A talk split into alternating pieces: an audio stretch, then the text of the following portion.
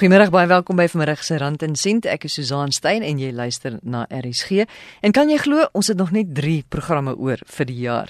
Vanmiddag kry ons wenke van die AA om na jou motor om te sien en sommer na jouself ook wanneer jy die lang pad gaan aandurf. Baie van julle is al met vakansie of gaan dalk môre ry of het oor die naweek gery of gaan nog baie ry. So is belangrik dat jy luister. Dan die beloofde wenke wat ons nou nie tyd voor gehad het verlede week nie oor versekerings wanneer jy 'n boot of 'n karavaan of 'n sleepwa sleep want het jy byvoorbeeld geweet dat daar 'n beperking is op die gewig wat jy sleep en as jy daaroor gaan en jy is in 'n ongeluk dan kan die versekerings dalk nie uitbetaal nie. En dan gaan ons weer kyk hoe jy hierdie jaar met Kersfees lekker maar ekonomies kan eet en ons het ook vir jou piknik wenke. Vir hierdie jaar is 1800 mense in Desember op die land se paaie dood. Leidenbeerd is 'n woordvoerder van die AA of die Automobiel Assosiasie van Suid-Afrika en Leiden, jy gaan vir ons 'n paar wenke gee hoe ons tog kan probeer om vir jaar versigtiger te ry. Ek wil net by jou hoor, gebeur dit sommer dat 'n mens byvoorbeeld afgetrek word en dat iemand sal sê, "Hoerie, ons toets gou jou motor om te kyk of hy padwaardig is." Dit gebeur nie dat jou padwaardigheid getoets word nie, maar as dit op die oog af lyk asof jou kar nie padwaardig is nie, dan sal die verkeersbeampte jou van die pad aftrek en hulle sal jou ondervra oor die padwaardigheid van jou voertuig. Soos byvoorbeeld as dit op die oog af lyk of jou wiele regwaar nie goed lyk nie, dan sal die uh, owerhede wel iets daaromtrent doen. Maar as daar byvoorbeeld ietsie met die met die engine nie reg is nie wat nie sigbaar is nie, dan sal owerhede dit nie noodwendig sien nie, maar hulle gaan nie jou jou voertuig van die pad aftrek en sê okay, ons gaan nou padwaardigheidstoets hmm. op die, op die voertuig doen nie. Nee. Maar as jou motorvoertuig nie padwaardig is nie soos jou bande of so, dan kan hulle vir jou daar en dan 'n boete gee, nê? Weet jy, hulle kan vir jou 'n boete gee of hulle kan vir jou sê jy mag nie verder met daai voertuig ry nie. Dit is ook natuurlik 'n opsie wat vir hulle oop is. En ons as die AA sê altyd vir die publiek, maak seker dat jou kar wel in 'n goeie toestand is voordat jy op 'n lang vakansiepad met daai voertuig gaan ry en maak seker die voertuig is goed genoeg om jou na jou bestemming te neem en dan ook goed genoeg om jou terug te bring na die tyd. Dit is wel die verantwoordelikheid van die bestuurder van die motoreienaar om seker te maak dat daai kar in 'n goeie padwaardige toestand is en goed genoeg is om op pad pad te wees. Goed, nou hoe gaan ek seker maak dat my motor padwaardig is? Waarna moet ek alles kyk? Okay, so daar is 'n paar goed waarna 'n mens moet kyk en ek dink die eerste die eerste groot ding is maak seker dat jy jou kar gereeld laat diens en dat jy die kar gereeld onderhou. Maak seker dat jy die brieke goed kyk en jy weet jy sal ook hoor as jou brieke begin skree of as jou kar uh, snaakse geluide maak, dan sê jy weet dit is tyd vir jou brieke om vervang te word. Kyk asseblief na jou bande en ons sê altyd vir mense, as jy jou kar parkeer, parkeer dit so dat jou wiele so so klein bietjie skuins uh, is, so met ander woorde draai jou stuurwiel sodat jy mooi na daai wiele kan kyk as dit uh, parkeer is. En en kyk vir die tred, hulle noem dit die tred op daai bande. Is hulle nog steeds goed genoeg? Is daai band nog steeds goed genoeg. En dit is nie net uit die oogpunt van jy weet um, is met voertuig padvaardig nie. Dit is ook uit die oogpunt is is jou kar veilig. Want ons moet onthou bande wat bas is 'n baie ernstige probleem. En dit gaan nie net vir jou raak nie. As jy langs 'n kar ry en daar is 'n maan kinders in die kar langs jou en jou band ontplof, dan gaan jy dalk in daai kar in vasry. So jy moet ook na ander padverbruikers uh, dink as jy as jy kyk na jou wiele van jou voertuig. So dit is natuurlik baie belangrik en natuurlik ook jou spaarband. Maak seker dat jou engine in 'n goeie toestand is. Jy sal weet as daar enige geluide is, sal jy dit ook natuurlik hoor. Maar kyk gereeld na die olie op daai kar. Maak seker dat jy die kar goed onderhou. En ek weet dit klink baie simpel, maak seker dat die binnekant van die kar ook in 'n goeie toestand is. Uh, maak seker dat die buitekant van die kar in 'n goeie toestand is.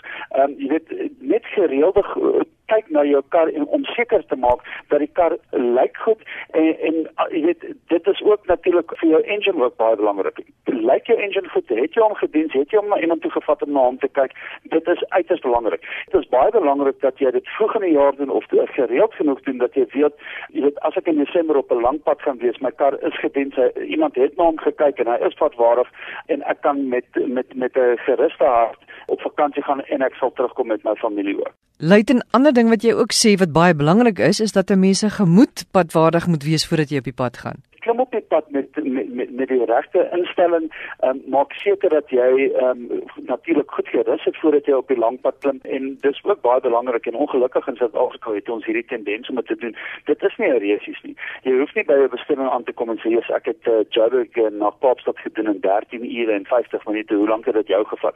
Jy weet dit is nie so tipe idee nie en ek dink uh, ons moet begin wegbeweeg van daai tipe gesprekke. Dit is baie belangrik dat as jy op die lang pad gaan wees, kry genoegsame rus voordat jy in die kar klim met jou gesin. Onthou, hulle veiligheid is in jou hande en ook ander verbruikers se veiligheid is ook in jou hande. Maak seker dat jy gereeld genoeg gerus terwyl jy op die pad is. Uh, ons sê altyd elke 2 ure of elke 200 km, uh, trek van die pad af, rek jou bene, kry 'n bietjie vars lug in jou, jy weet kry iets om te drink, selfs vir die familie wat in die kar is saam met jou. Hulle moet ook kyk na wat gebeur op die pad. Hulle gaan ook vir jou oë wees terwyl jy bestuur. So dit is belangrik dat hulle ook gerus het.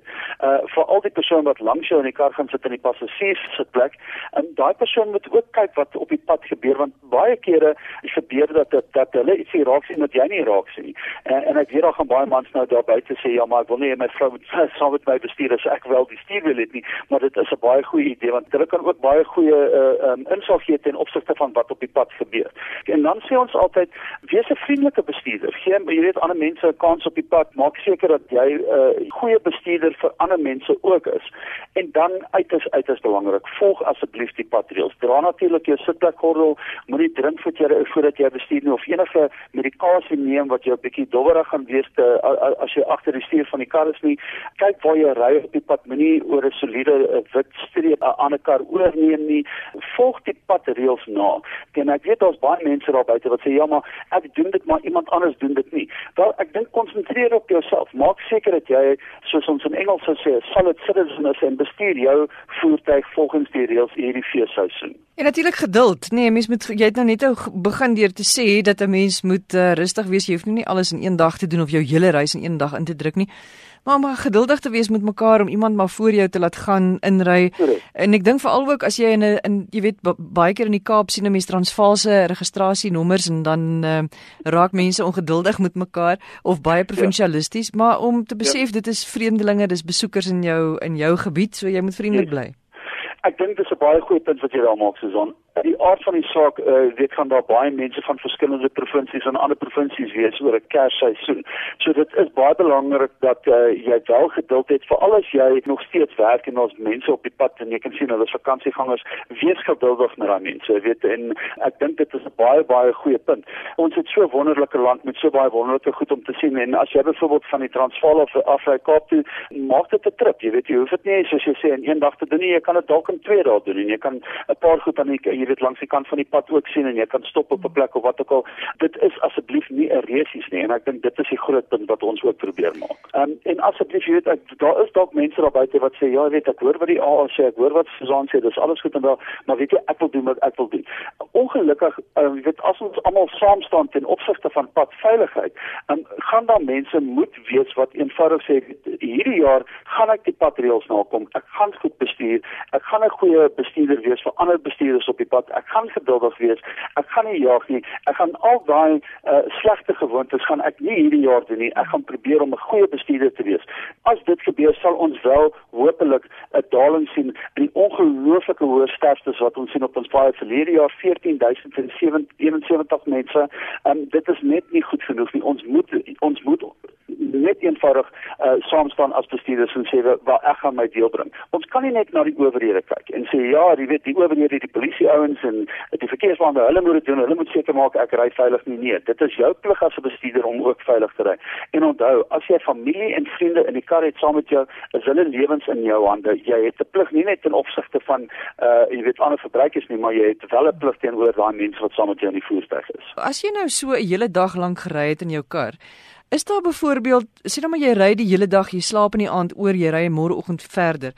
Is daar iets wat jy kan doen die volgende dag om seker te maak dat jou jou motor in 'n goeie werkende toestand is of hoef jy nie oor goed bekommerd te wees nie? Nee, ek dink dit is altyd 'n goeie idee om so klein bietjie te bekommerd te wees oor jou voertuig. As jou kar, uh, jy weet, goed gediens is en jy het goed na hom gekyk, dan sal daar baie min wees waaroor jy moet bekommerd wees. Maar as jy weet, kom ons sê byvoorbeeld jy bly in Bloemfontein en elke dag ry jy 30 km werk toe en elke dag as jy ry, hoor jy hierdie snaakse geluid wat uit die engine uitkom uh, en jy doen net net mooi niks daaromtrent nie. As jy vandag uh, besluit okay, ek vat nou my familie in Desember uh, op vakansie en jy doen nog steeds niks daaromtrent nie, dan het jy wel 'n rede om te bekommer. So ons sal altyd sê, kyk mooi na jou kar. Kyk na die engine, maak seker alles werk op daai kar. Kyk na die olie in daai kar, maak seker die olie is nog steeds reg in daai kar. Kyk na die uh, na, na die bande, is die bande nog reg opgepomp? Moet ek weer na hulle kyk? En jy weet, maak die maak die engine oop en kyk na die engine. Jy weet, as daar ietsie groot as daar 'n groot probleem is, sal jy dit wel sien. Kyk na die water, het die kar nog steeds water in die radiator. Jy weet, hierdie tipe goed. Jy sal mooi kyk na daai engine en jy weet elke keer as jy stop, kyk na die olie, kyk na die bande bande, kyk na die water, hierdie tipe goed. Luiten baie dankie vir jou tyd. Dis Luiten Beet. Hy is 'n woordvoerder van die Automobiel Assosiasie van Suid-Afrika of terwyl soos ons hom ken as die AA.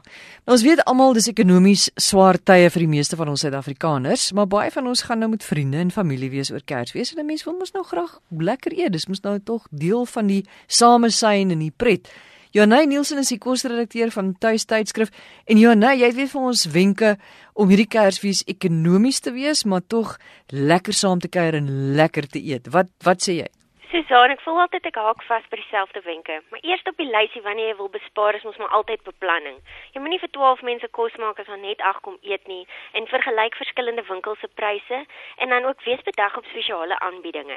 Ek vind as jy by die groentemark rondsniffel en ons drie sakkies beet vir R10, dan moet jy maar beet maak vir jou Kerstafel en kreatief begin dink. Die ander ding is as jy 'n feestafel dek en daar kom jy weet 'n klomp mense by jou kuier, werk saam om meer siele, meer vreugde en as elke gesin byvoorbeeld een vleis en een slaai bring, dan is jy gewaarborg van 'n feesmaal wat nie jou sak te veel gaan ruk nie. Dan met jou keuse van vleis, groter vleisstukke is uit die aard van die saak duurder. Maar as jy wil uitwaal en wys met een applaustrekker vir jou tafel, soos 'n geglaseerde gerookte varkbout of 'n smelt in die mond lamskouer, fokus miskien dan eerder net op daai een pronkstuk in plaas van om 'n klomp goedkoper opsies te maak. Rek dit met 'n lekker vulsel of 'n spesiale sous. Een van my go-to resepte is altyd 'n gestopte heelhoender wat ek die maagholte van ontbeen en dan of met brood of met rys, sommer twee disse in een maak. Ekonomie hoef nie afskeep te beteken nie. 'n Verruklike hoenderpastei met ertjies, mielies en wortels in die smelt in die mond deeg is nog 'n lekker feestelike resep wat mooi versier kan word. Dan maak jou tafel vol groente, bykosse met baie aandag aan detail en versiering is nog 'n bakplan. Gebruik jou koekiedrukkers om so sterretjies uit die komkommer te druk vir jou groenslaai. Maak 'n pampoentert en sif 'n patroontjie kaneelboor met blinkertjies. Dit lyk absoluut pragtig. Dit gee 'n tikkie speelsheid wat jy sommer laat vergeet van die ekonomie. En dan vir nagereg, hou dit eenvoudig. Pas op vir te veel room, bessies en neute en koop bestanddele wat in seisoen is. Arbeie kos die helfte van die prys van frambose. En dan moenie vergeet van nostalgiese nageregte soos 'n skuimpudding van geklopte jelly en ideal melk nie. Dit klink dalk bietjie uit die oude doos, maar dit gaan 'n glimlag op almal se gesigte sit en dit hoef nie 'n plaaste prys te kos nie. En dan my ander staatmaker is 'n tuisgebakte rolkoek. Jy weet almal gebruik altyd die rolkoek net in die trifle, maar dit kan eintlik op sy eie allemintige nagereg wees. Al die dis op jou spyskaart hoef nie 100 bestanddele te hê nie. Ja nee, as jy iemand is wat hou van 'n vrugtekoek. Ek meen ons weet 'n vrugtekoek is nogal 'n dierkoek, maar as jy iemand is wat regtig daarvan hou, wat wat is jou raad? Maar jy weet jy wil ook nou nie 'n plaas se geld bestee nie.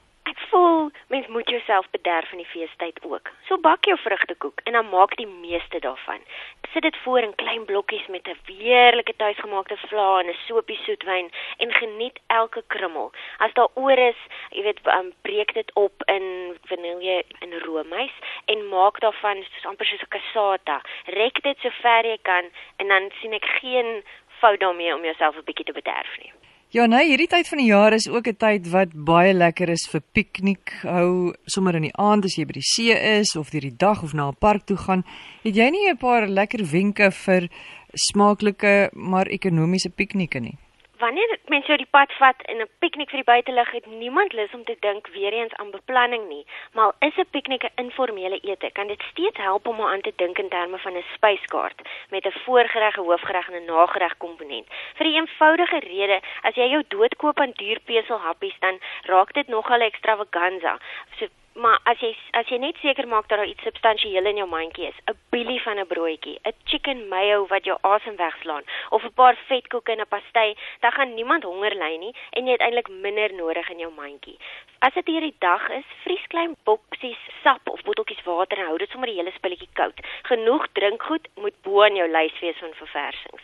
Dan al maak jy al jou staatmakers, jou gevulde eiers, jou frikadelle, jou jaffles, maak seker dat daar een te daai dis is smelt malva lekkers met soos 'n lepel karamel tussen twee sterretjie kersfees soetkoekies wat jy vir die kinders nou gebak het in die feestyd vir s'mores of maak individuele nagereggies in 'n glas fles. Dit hou dit baie spesiaal. En dan dink slim aan oorskiet. In die feesseisoen is daar gewoonlik altyd iets in die braaibak oor. So sny daai graar vleis in stukkies en tower korslose quiches in jou muffinpan op. Maar net eier en so 'n bietjie liefde. En verander 'n braaihoender in 'n pasta slaai of in 'n wrap.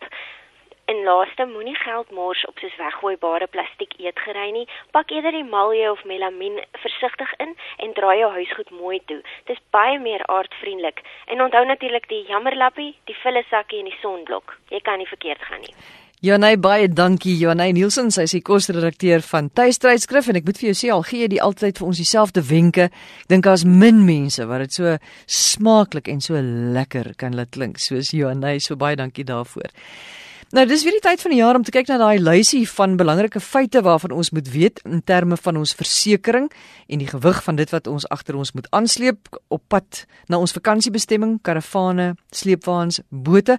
Aan die woord is Annelie Smith, sy is die uitvoerende hoof van korporatiewe en spesialistdienste van RBS. Sodra jy oor 'n sekere aantal kilos gaan, sê die wet vir jou dat jy moet 'n ander lisensie kry daarvoor.